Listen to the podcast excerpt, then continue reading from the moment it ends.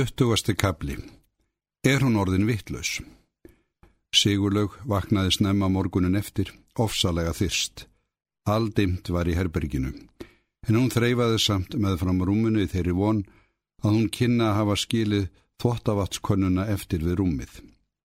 Hún rak höndinu í eitthvað sem hún átt ekki von á og komst á raunum að það var lítið borð. Húsfreyja hafi verið gift drikkjumanni. Hún vissi hvað kom sér vel þegar svo var ástatt sem um sigurlaugu og hafði verið svo nærgætt en að færa borðið að rúminu á sand vassflösku og vassglasi. Sigurlaug fann hvort feggja og teigaði stórum. En hún myndi ekki eftir þessari vassflösku. Hvenar hafði hún eignast hana?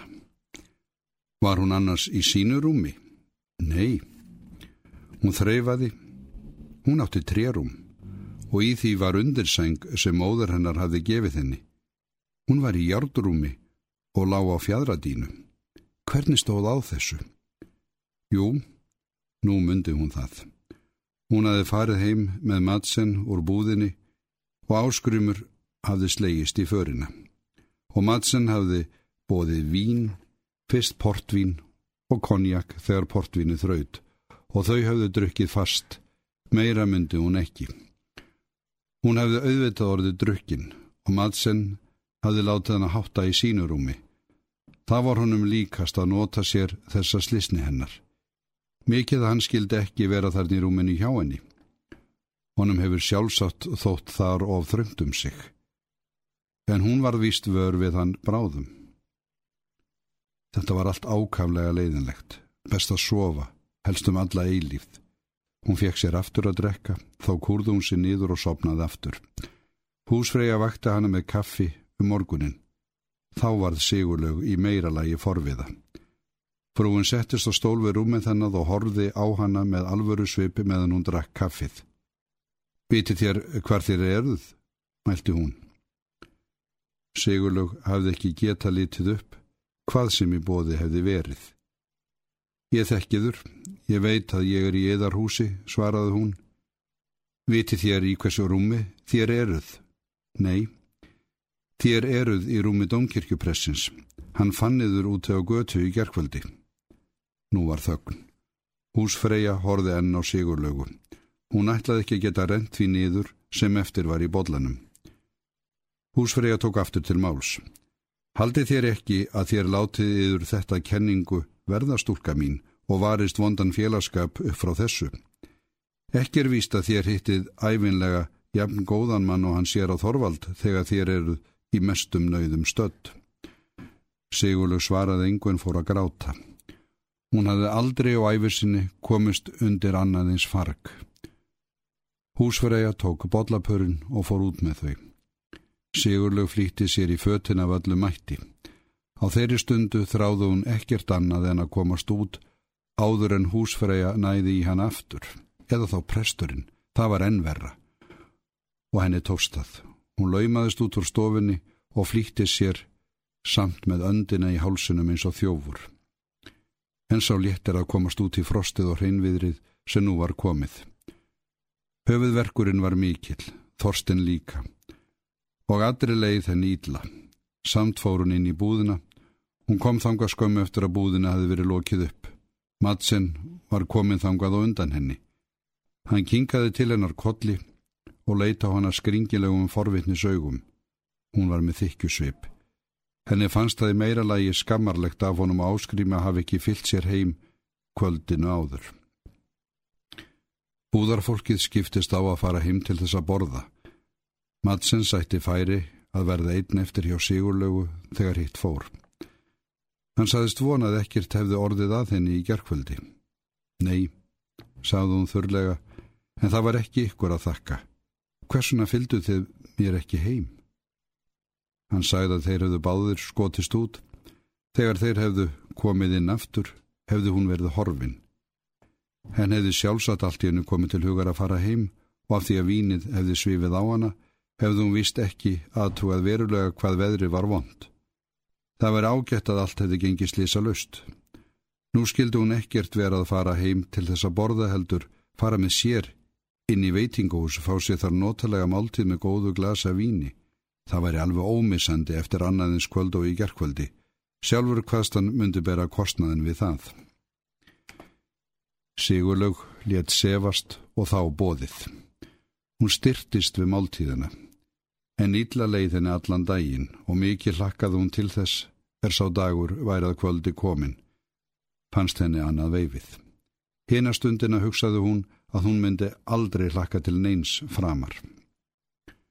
Um kvöldið kom áskrimur inn í búðina rétt áður en lokað var. Þau gjörðu samferða út og eftir götinni, Madsen og Sigurlaug og hann. Madsen bauð þeim inn til sín áður en þau færa að borða kvöldmatt. Þau þyrtu öll að fá sér ofur litla styrkingu. Það vildi Sigurlaug ekki. Hún saðist alltaf heim. Áskrimur lautaði eiran á henni. Þú gerir það fyrir mig, mælti hann einstaklega þýðlega. Ofur litla stund. Ég fylgi þér heima á eftir. Hún vissi að það var ránt, en þetta stóðst hún ekki. Hún var líka svo þyrst og svo óstyrk innan um sig. Þau fóru inn til maðsins. Hann kom í konjak og portvin og blandaði að helmingi í glösin. Þetta styrkir, sagði hann, engin hlutur jafn góður maganum. Það hef ég margrind. Við rennum það út í einu. Sigurlu drakk aðeins ofan í hálft glasið. Nei, allt í einu, sagði Madsen, niður með það. Þá finnur þau velgjuna. Sigurlaug drakk út úr glasinu. Satt var það, en hvað ylurinn styrti magan. Hún vissi að eitt glas í viðbót myndi koma algerður í kyrð á taugarnar. Madsen fyltið glösin tafarlust aftur og hann fylti þau oftar. Þau sátu þarna fram eftir kvöldinu. Öll tóku þau að gerast ölfuð. Samræðan var ekki með neitt ljúfum blæ. Þeir voru stríðnir, engum áskrýpur. Og Sigurlaug var fremur stygg við þá. Þeir espuðust við það. Áskrimur spurði hana hvernig henni hefði gengið í gerkvöldi. Sigurlaug hjælt að honum kæmi það ekki svo sérstaklega mikið við. Hún hefði að minnstakosti komist án hans það sem hún hefði komist. Ekki hefði hann gætt sín mikið. Hún var farin að sækja í sig þykju af nýju út af því að þeir skildu ekki af annast sér betur. Áskrymur hjælt að ekki væri auðvelt að gæta þeirra sem strykju burt að mönnum óvörum. En nú skulum við drekka, sagði áskrymur ennfremur, og ekki láta þetta verða okkur að sundurlindisefni. Þau drukku. Hvað skildi nú annars presturinn okkar segja ef hann vissi að þú væri hér hjá okkur? Ætlaðan þyrti ekki eitt hvaða hefjast handa? Sigurlaugu var hvert við að heyra minnst á prestin. Hvað kemur honu það við? spurði hún. Það læti ósagt. Mér er ekki ljóst að það komi honu neitt við, en vera má að þér sé kunnugt um að hann hafi látið sér koma við fleira en honum hefur komið við. Mótspyrnu hugurinn og stiklindi fóru vaksandi. Hún þóldi alls ekki að hann fær að tala um prestin. Ég vil ekkert heyra um hann talað, sagði hún. Áskrimur miskildi þetta. Því ert orðin svo reið við prestaræfilin að þú þólir ekki að heyra minnst á hann. Hann á það ekki skilið af þér. Ég er honum ekkert reið. Nei, það líkan mér. Hann á vist annað skilið af þér. Það hefur jæfnvel verið gefið í skin á prenti að hann felli hug til þín. Þú manst hvað öndvegi sagði. Hver veit nema þú eigir nú eftir að verða presskonan okkar höfustadarbúa. Þú lofar öðrum hvorum okkar maðsinn að vera svaramadur.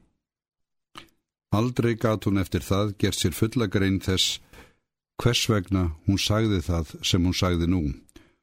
Hvort hún sagði það í því skina að storka áskrými og kveikja hjá honum afbríðisemi eða í því skina að ganga fram á honum með sem furðulegustum og fáránlegustum orðum.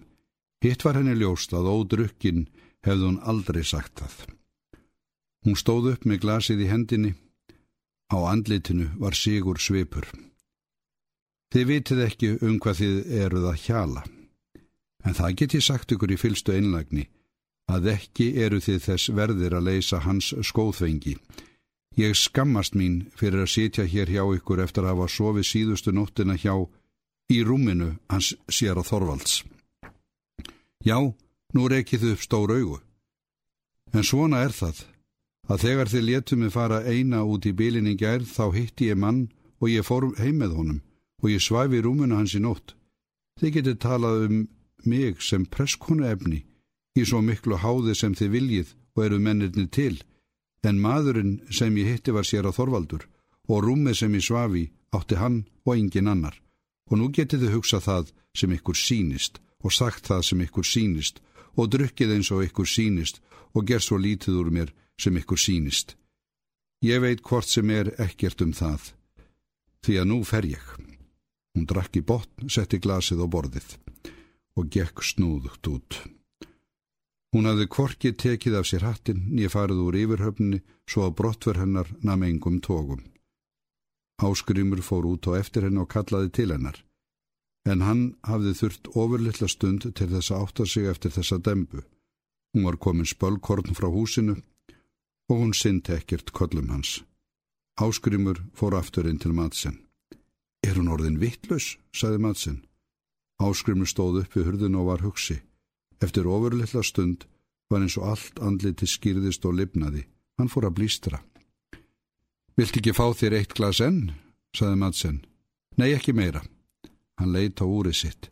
Ég verða að flýta mér, saði hann. Hvað likur þér á? Ég þarf að finna mann áður en hann fer að hátta. Og hann kvatti í skyndi og rauk út.